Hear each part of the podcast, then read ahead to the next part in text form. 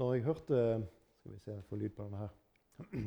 Når jeg hørte åpningsordene til Willy når vi kom her i dag, og når jeg har hørt på bønnen som har vært, når jeg har hørt på sangene som vi har sunget, så må jeg si at da kjente jeg på at eh, det var helt riktig når Herren talte med meg der jeg satt alene på kontoret i går kveld og skulle forberede noe å dele med dere her i dag.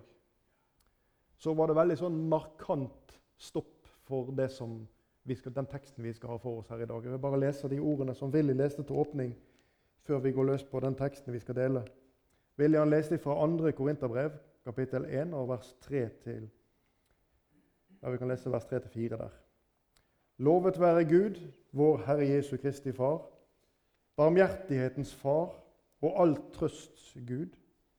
Han som trøster oss i all vår trengsel, for at vi skal kunne trøste dem som er i all slags trengsel, med den trøst vi selv blir trøstet med av Gud.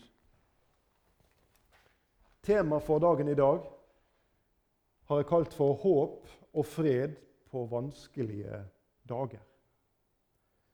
Og det tror jeg kanskje når vi er kommet inn her i dag, vi som sitter her, så har vi med oss eh, ulik bagasje her vi sitter.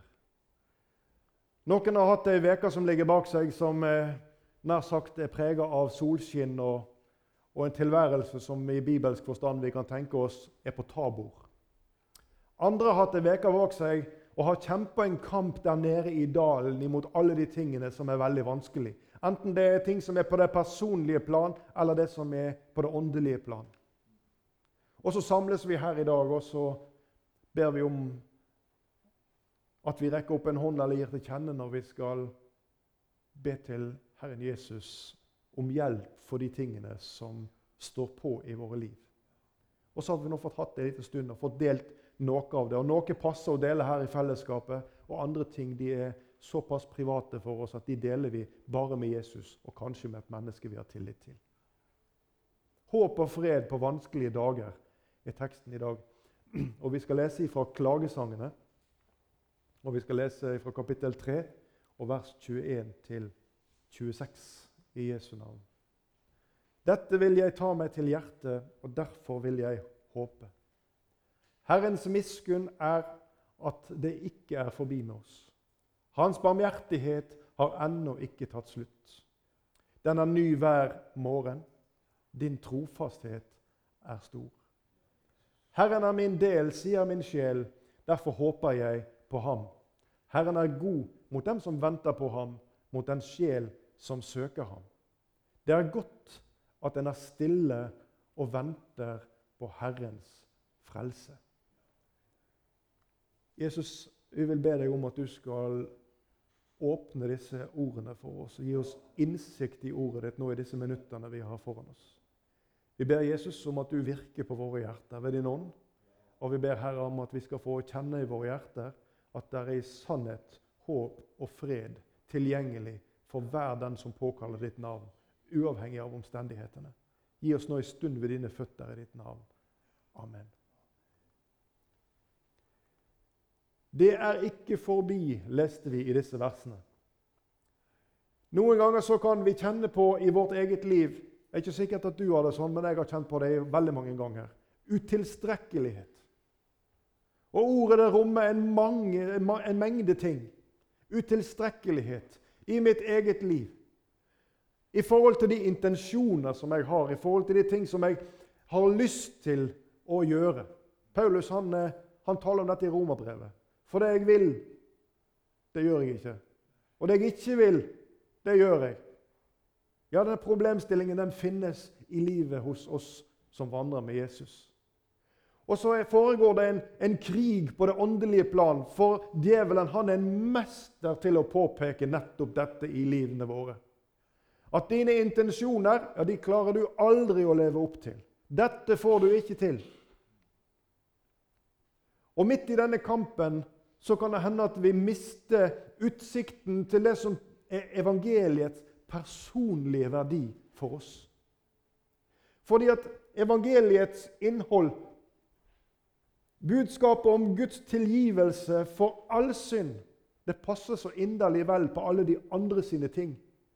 Men mine ting de er på en måte litt vanskeligere. Det er så sammensatt. Og så har vi, som jeg nevnte innledningsvis her, med oss ulik bagasje både når vi sitter her og har erfaringer så langt i livsløpet. Og mange av de ting som har hendt så langt i livsløpet for oss som er voksne, det vil djevelen komme og minne oss om gang etter gang. Husker du da når? Og så har du alle disse punktene, disse negative minnesteinene som finnes på veien. Om alle de tingene når du sa og gjorde og tenkte det motsatte av det som Jesus ville. Og så blir disse tingene stadig De kommer stadig opp i tanken, og så ødelegger de for den gleden som Jesus vil at du og jeg skal ha i fellesskapet med Han. Og så påvirker det dette evangeliets personlige verdi. Evangeliets fullkommenhet. Og den tvilen som oppstår i hjertet fordi at jeg ikke lever slik som jeg burde, og erkjenner at jeg ikke klarer å leve verken etter mine egne intensjoner i mitt åndelige liv, og enda mindre i forhold til Guds vilje med mitt liv. Ja, så rokker den tvilen som oppstår i mitt hjerte, den rokker ved selve grunnvollen i mitt kristne liv. Fordi at Bibelen den lærer oss at det er ved troen vi har adgang. Vi skal lese det verset fra Romerne 5 og vers 2. Ved ham, det er Jesus, har vi også ved troen fått adgang til denne nåden som vi står i. Og vi roser oss av håp om Guds herlighet. Og så blir dette kampen. Fordi at jeg har denne tvilen i mitt hjerte, og så står det her i Bibelen at det er ved troen jeg har adgang. Så blir det en konklusjon i min egen tanke som djevelen kommer og forstyrre. Han er en mester til å trekke bibelordet ut av sin kontekst. Og Så forteller han meg at pga. den tvilen som du har, så har du også mista den adgangen som finnes ved troen. Og Derfor blir konklusjonen over mitt eget liv, dommen over mitt eget liv Derfor kan jeg ikke være et rett Guds barn. Disse tankerekkene tror jeg møter mange av Jesu etterfølgere. Og mange, kanskje mer enn vi liker å tenke, strever med manglende frelsesvisshet. Og det er konsekvensen, Denne manglende frelsesvissheten den er konsekvensen av å se bort ifra det som vi snakker om som nådens fullkomne evangelium. Vi klarer ikke å se oss frelst, vi klarer ikke å se oss overkledd med Jesu Kristi rettferdighet. Og I stedet det bildet som møter oss i speilet der, det er denne syndige skikkelsen som ikke klarer å oppfylle verken egne intensjoner eller Guds vilje med livet. Og så står vi der og ser oss i speilet, dømt, foraktet, utilstrekkelig. Og så kjenner vi kanskje i våre hjerter en manglende hengivelse. Det å være ordentlig hengitt til bibelordet, slik som jeg ønsker at jeg skulle være, men får det ikke til. Og så blir dette her en, Alt dette nå har, har malt ut for dere, det blir en stadig påminnelse om egen utilstrekkelighet og om synden, som Paulus sier, som henger så fast ved oss. I 1. Johannes brev, kapittel 5 og vers 2, så leser vi på dette kjenner vi at vi elsker Guds barn. Når vi elsker Gud og holder Hans bud. Er en direkte relasjon mellom din kjærlighet til Jesus, til den himmelske Gud og Hans bud. En direkte relasjon mellom dette og din kjærlighet til dine kristne brødre og søstre. Videre så står det i Johannes 14, vers 21 Jesus han sier at 'den som har mine bud og holder fast på dem, han er den som elsker meg.' Og den som elsker meg, skal bli elsket av min far, og jeg skal elske ham og åpenbare meg for ham. Du, Disse to versene her, de kan oppleves som trøstens ord og tatt ut av sin kontekst og med et godt påfyll av det som djevelen ønsker å peke på i mitt liv, så kan de oppleves nærmest som katastrofale. Går det an å si det? Ja, det gjør det. Fordi at hvis jeg ikke elsker Gud og holder Hans bud, så påvirker det min kjærlighet, leste vi, til Hans barn. Så hvordan kan jeg ha den rette kjærlighet for menigheten og for mine brødre og søstre i Herren om jeg ikke klarer dette andre? Og hvordan er det med åpenbaringen for Jesus? Den som, han sier at 'den som har mine bud og holder fast på dem, han elsker meg'. Og så sier han at Jeg skal elske ham og åpenbare meg for Jakob, Ja, den åpenbaring mangler jeg. Så dermed så har jeg ikke, ikke rett med Jesus. Du, Disse tankerekkene som jeg prøver å male ut for dere her nå, det handler om det som djevelen ønsker å peke på i den kristnes liv. For at du skal få en smak på nederlaget. For at ikke du skal få ha del i den gleden som Jesus ønsker at du skal ha. Og erkjennelsen i våre egne hjerter. Hvis vi lar denne stemmen fra den onde få plass, Erkjennelsen er jeg får det ikke til. Jeg får det ikke til. Jeg vet ikke hvordan det er med deg som har kommet inn her i dag. Men denne følelsen har jeg møtt mange ganger i mitt eget liv. Jeg får det ikke til å være slik som jeg vet at Jesus forventer av meg. Og så rettes fokuset på min egen ufullkommenhet. Men jeg vil bare fortelle deg at det er et djevelens verk. Fordi at det Jesus ønsker at du skal se, det er den rettferdighet som han har overkledd deg med.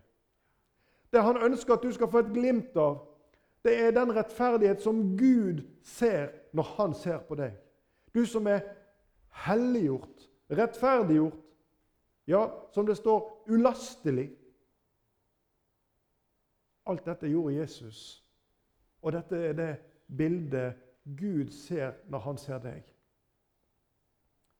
Men når, vårt eget liv et eneste kaos, og når livssituasjonen liksom bare stormer på, og den ene hendelsen før den andre inntreffer i den private sfære, og fokuset rettes inn mot alt dette jordiske, når troslivet mitt ikke er sånn som det skal være, og nærmest krisene i livet de står liksom bare i kø, og alt det synes som å rakne i livet. Og så står jeg her og så har jeg en bibel som taler om håp og fred. Og så er mitt følelsesliv på et helt annet sted. Hva skal vi gjøre?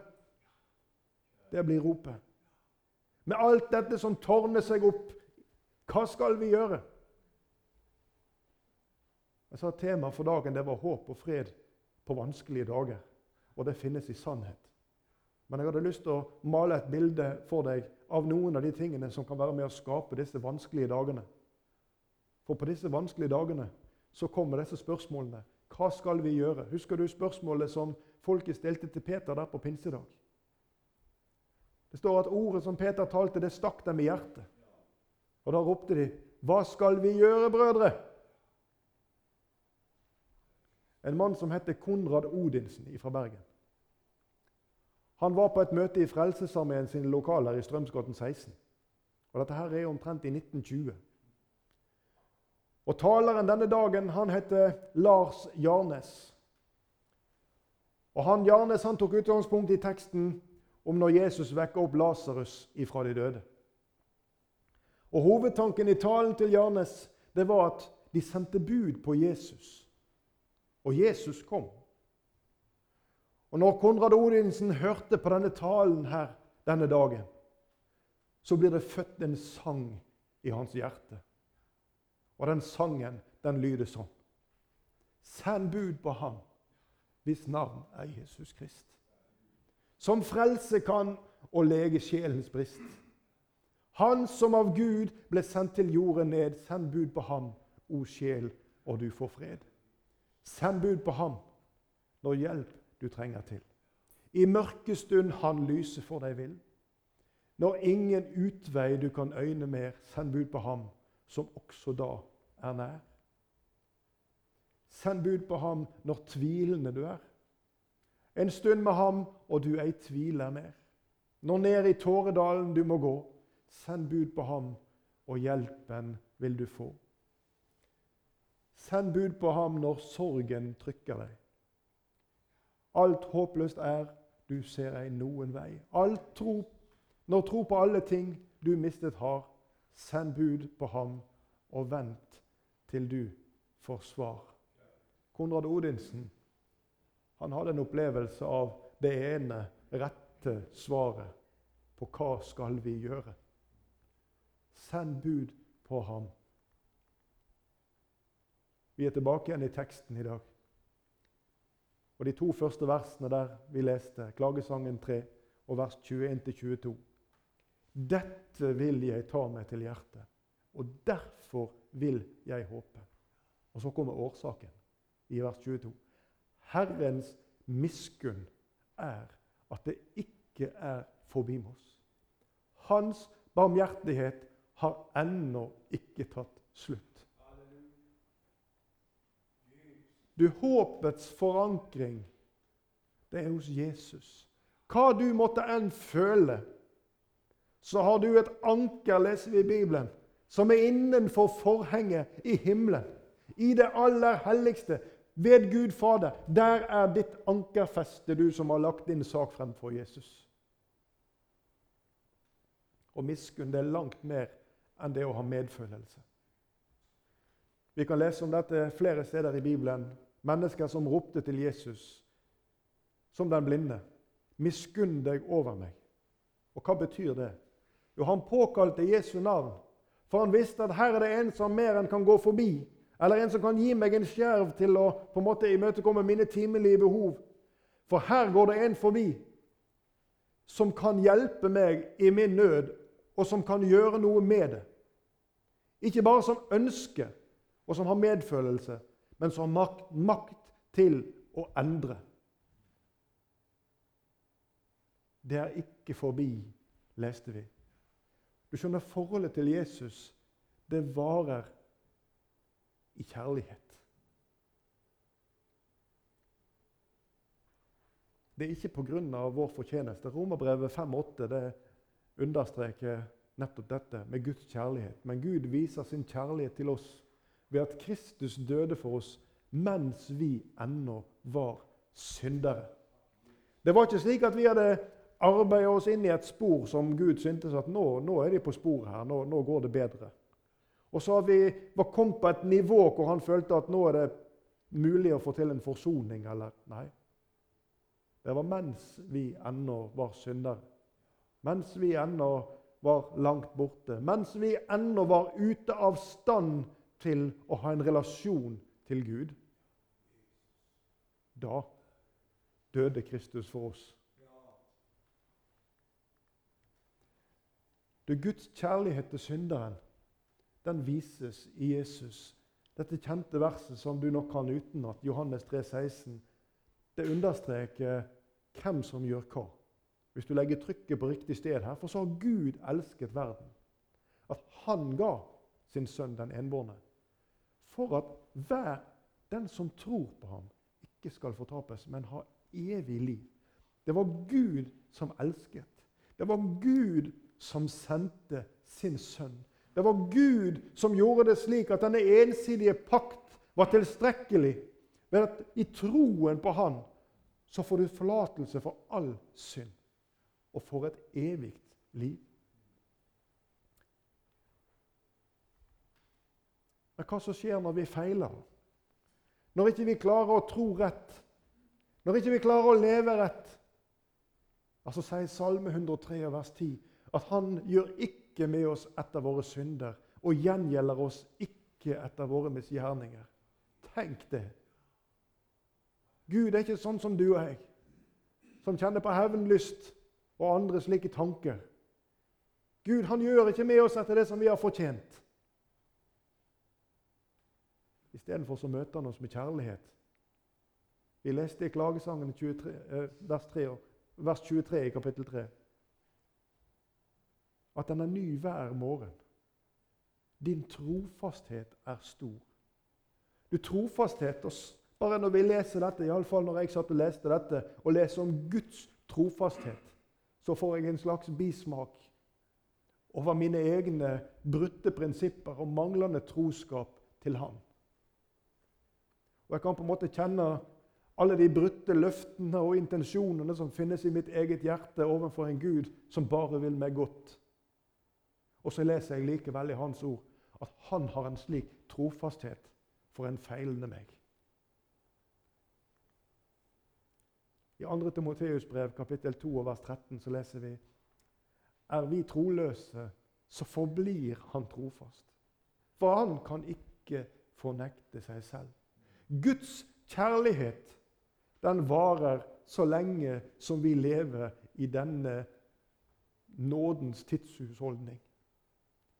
Så varer Guds kjærlighet og nåde i Jesus Kristus. Og alle mennesker, uavhengig av stand og stilling og uavhengig av brudd enten overfor nasjonal lovgivning eller overfor Guds ord, uavhengig av det, så finnes Guds kjærlighet over ditt liv. Og Gud han ønsker å stryke ut all din skyld og gi deg et evig liv. Og han lover i sitt ord en plass i sin evige himmel. Ja, Men kan jeg virkelig komme på nytt, da?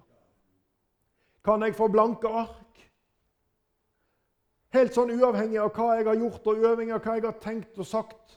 Uavhengig av min livshistorie med alle disse negative minnesteinene som finnes på ferden. Kan jeg få komme på nytt, Jesus? Kan du skape en ny glede i mitt hjerte? Kan jeg atter en gang få kjenne jubel her inne over å høre deg til? Svaret er ja, min venn. I 1. Johannes 1,9. Dersom vi bekjenner våre synder, så er Han trofast, halleluja, og rettferdig. Så Han forlater oss syndene og renser oss ifra all urettferdighet. Å, det er min Jesus. Han er trofast og rettferdig, endatil når jeg er troløs. I vers 24, der i Klagesangene 3, så leste vi Herren er min del, sier min sjel. Derfor håper jeg på ham. Du frelsende Jesus, den er personlig. Og den er din, uavhengig av hvilken historie du har brakt med deg som hører disse ordene. Jesus han har en personlig interesse i deg. Jesus han døde ikke bare for alle, men han døde for enkeltmennesket. Og du er en øyensten. Du er hans øyensten. En juvel for Herren. En verdifull skatt. Så verdifull at han har latt skrive sitt ord at en sjel er mer verdt enn hele verden. En sjel. Noe å reflekteres over når en samles til ulike sammenkomster i Guds hus og opplever at det ikke er så veldig mange til stede. Men én sjel, sier Bibelen. For én sjels skyld så var alt misjonsarbeid i hele denne verden verdt prisen. Det er et bibelsk perspektiv. I Salme 23 så leser vi en beskrivelse som salmisten skriver av å tilhøre hyrden. Og Salmisten han skriver denne salmen, når du skal merke deg at salme 23 den er skrevet i et sånn jeg-perspektiv. Det er et sånn eierskap til salmistens forhold til hyrden. Hør. Det er bare seks vers i denne salmen. Herren er min hyrde. Det mangler meg ingenting. Allerede her fra første verset så er det på en måte stadfesta for salmisten at Herren han er ikke bare hyrden, han er min hyrde. Og han lar meg ligge i grønne enger. Og han leder meg til hvilens vann.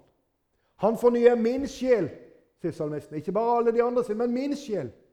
Den fornyer han. Og han fører meg på rettferdighetens stier for sitt navns skyld. Om jeg skulle enn vandre i dødsskyggens dal, frykter jeg ikke for ondt, for du er med meg. Din kjepp og din stav de trøster meg. Du dekker bord for meg, like for mine fienders øyne. Og du salver mitt hode med olje, og mitt beger flyter over. Bare godhet og miskunnhet skal etterjage meg alle mitt livs dager, og jeg skal bo i Herrens hus gjennom lange tider. Du, På vanskelige dager så vil jeg få lov til å si til deg, ta fram Salme 23. Og her i alle disse meg og mitt og jeg, så putter du inn navnet ditt så skal du få se hvilken omsorg hyrden har for deg i ditt liv. I vers 25, som vi delte sammen i Forklagesangene 3, så leste vi Herren er god mot den som venter på ham, mot den sjel som søker ham. Du, Salme 119 den sier at salige er de som tar vare på hans vitnesbyrd, som søker ham av hele sitt hjerte. Så hva er hans vitnesbyrd? Vi leser at Herren er god mot den som venter på Han. Og venting er ikke enkelt. Det skal vi komme tilbake inn til. Og mot den sjel som søker Han. Det var det vi snakket om. Hva skal vi gjøre? Jo, send bud på han. Og salige er altså de som tar vare på hans vitnesbyrd. Hva er hans vitnesbyrd? I Matteus 28 så sier Jesus til disiplene meg er gitt all makt. Og så sier han mot slutten av denne misjonsbefalingen og se, jeg er med dere alle dager. Du, det er Jesus sitt vitnesbyrd over ditt liv. Hør, mitt barn, hva navn du måtte bære. Jeg har all makt, og jeg er med deg alle dager. Og så har han gitt oss Johannes, 1. Johannes 1,9, som vi leste i stad. Dersom vi bekjenner våre synder, så er han trofast og rettferdig. Så han forlater oss synden og renser oss fra all urettferdighet. Det er også hans vitnesbyrd. Eller i Romerbrevet kapittel 3 og vers 23 og 24 kan du lese om at han tilregner oss hans rettferdighet. Alle har syndet, står det her, og, og fattes Guds ære.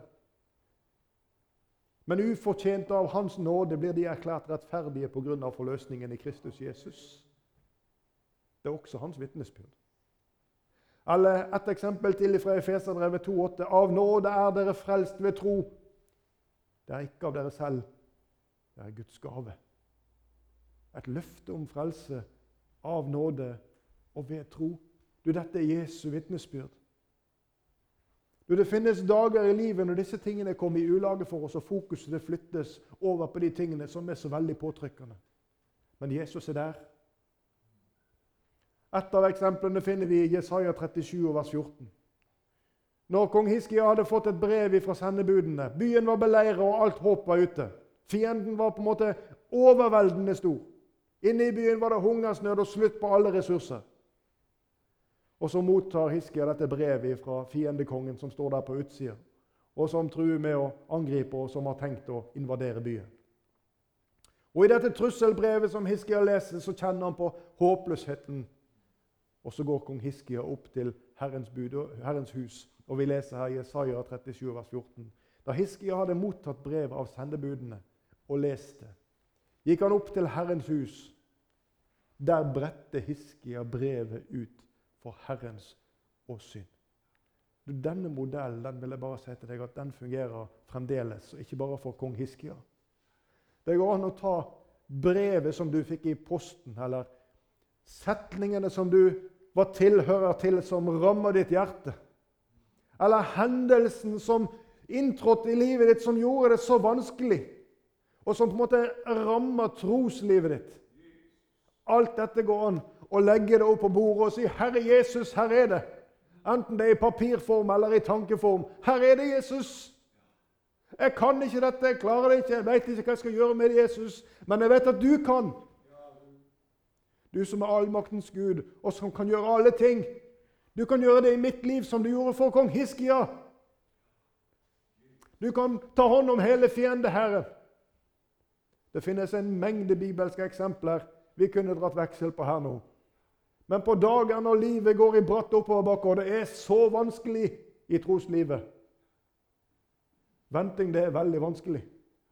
Men vi kan vente med forventning i vårt hjerte på en allmektig Gud som kan gjøre mer enn det vi vet og ber å forstå. Salme 27, vers 14 tar utgangspunkt i nettopp dette, at du kan vente med forventning. For hør, vent på Herren, vær ved godt mot ditt hjerte være sterkt. Ja, vent på Herren. Jobb han var en mann som gjennomlevde ufattelige prøvelser. Likevel, i Jobb 19, vers 25, så finner vi en jobb som er så langt nede du kan tenke deg som menneske. Han har på en måte tapt alt som er av jordisk verdi. Likevel så uttaler Jobb.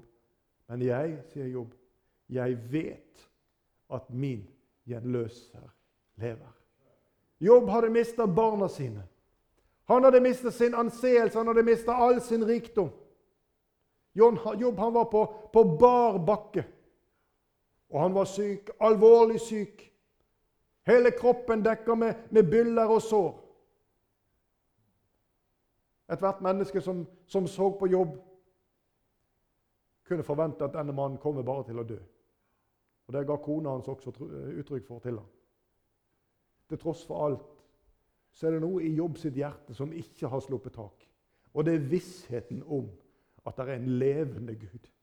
Til tross for omstendighetene så har Jobb denne troen i sitt hjerte at det finnes en levende Gud. Og han vet, og han kan. Send bud på han når sorgen trykker deg. Når alt håpløst er, og du ser ingen vei. Når tro, til, når tro på alle ting du mistet har. Send bud på ham, og vent til du får svar. Klagesangene 3, vers 26, det var det siste verset vi leste. Det er godt at en er stille og venter på Herrens frelse. Du, Venting det kan være virkelig vanskelig. En av de tingene jeg fikk lite av når jeg ble født, og det har fulgt meg helt siden, det var tålmodighet. Jeg har veldig liten tålmodighet. Jeg ønsker resultater ganske med en gang. Og i det kristne livet så kan det være utfordrende å ha det sånn. For vi ber til Jesus, og vi ønsker at han skal svare oss. Og vi ønsker egentlig ikke helt innerst inne å be sånn som han gjorde i Getsemane, at skje din vilje, Gud. For vi har alle de gode svarene. Og hvis vi ber skje din vilje, Gud, så er egentlig den innerste tanken langt bak der likevel at men jeg håper likevel det blir sånn som jeg vil. Jeg tror vi kjenner oss igjen. Venting kan være veldig vanskelig. Men forventningen til at det kommer et resultat av dette å vente, den er helt avgjørende for at du og jeg skal ha motivasjon til å bli ventende. Hør, du står aldri i den veldig lange pølsekøen der på 17. mai hvis ikke det var for at du visste at før eller siden så blir det din tur. Og da skal du få det som du hadde tenkt å kjøpe. Det er ikke så veldig ulikt i bønn. Du må ha en forventning om at der framme der finnes det et bønnesvar. Og i mellomtiden så må jeg innfinne meg med å være her i bønn til Jesus. Jeg må innfinne meg med å påkalle hans navn, han som veit alle ting. Og det er til tross for at akkurat nå så blåser vinden på meg og det er vanskelig å stå. Det når Israel og Moses sto ved Rødehavet, så er jeg sikker på at det var ganske vanskelig venting. For rett der bak der var støvskyen av faraos hær. Og her foran her er hinderet, så her er det ingen redning. Konrad Odinsen Send bud på ham når allting håpløst er. Det kom til anvendelse her ved Rødehavet lenge før denne sangen ble til i 1920. Eller dagene ved Jeriko. Slitsom venting. Ikke bare venting på i bønn, men Gud ba folk om å gjøre noe her. Jeg er så heldig at jeg har fått vært i Israel ved noen anledninger og fått vært nede og sett inn i denne byen, eller det som en gang var Jeriko. Og På den årstiden jeg var der, så var det gått sånn i overkant av 40 grader der i skyggen. Og Jeg ser for meg dette folket som får beskjeden om at eh, nå skal dere gå en runde rundt denne byen her. En gang hver dag. Og på den siste dagen så skal dere gå sju ganger rundt denne byen. I alle disse varmegradene. Det var ikke noe enkelt. Vanskelig venting og slitsom venting. Men resultatet det uteble ikke. Det ble akkurat slik som Gud hadde sagt. Når de blåste i trompetene Du kjenner beretningen. Så står det at da raste muren helt sammen. Halleluja. For sånn er Gud. Det var ikke sånn at da ble det en åpning i byporten, så de kunne komme inn. Nei, Gud, han, Da raste muren helt sammen, og hver kunne stige inn i byen rett frem for seg. står det skrevet. Du kan lese i Josvas bok. Sånn er Gud. På den tiden når det behager han, så griper han inn. Og det ble til et vitnesbyrd ja, som vi kan dele sammen når vi leser i Bibelen. Han lot det nedskrive sitt ord for at vi kan ha håp og trøst, står det å lese om. I Salme 37 vers 7 så står det Vær stille for Herren og vent på Han. Salme 40 og vers 2 er også et sånt eksempel. Her skriver salmisten Jeg ventet, ja, ventet på Herren. Og hva var det som skjedde da? Jo, da leser vi Da bøyde han seg til meg og hørte mitt rop. Du, Gud har ikke forandra seg. Han hører ditt rop. Dette vil jeg ta meg til hjertet, og derfor vil jeg håpe, leste de i Klagesangene 321. Vi leser litt til vers 22. Herrens miskunn er at det ikke er forbi med oss. Hans barmhjertighet har ennå ikke tatt slutt. Den er ny hver morgen, og din trofasthet er stor. Herren er min del, sier min sjel. Derfor håper jeg på ham. Herren er god mot den som venter på ham, mot den sjel som søker ham. Det er godt at en er stille og venter på Herrens frelse. Og dette gjelder altså på vanskelige dager. Der finnes håp, og der finnes fred hos Jesus. Herre, la disse ordene få ringe i våre hjerter, Jesus, når, når livet går i bratt oppoverbakke og vi synes at alt er vanskelig. Hjelp oss å huske ordene dine, og hjelp oss å huske dette med at vi kan sende bud på deg, Herre, i alle livets situasjoner. Og takk, Herre, for at du møter oss. Du møter oss på våre behov, Herre. Noen ganger til andre tider enn det vi ønsker oss, og noen ganger annerledes enn det vi hadde tenkt. Men Jesus, du er vår klippe, du er vårt håp, du er vår fred, og du er vår frelse.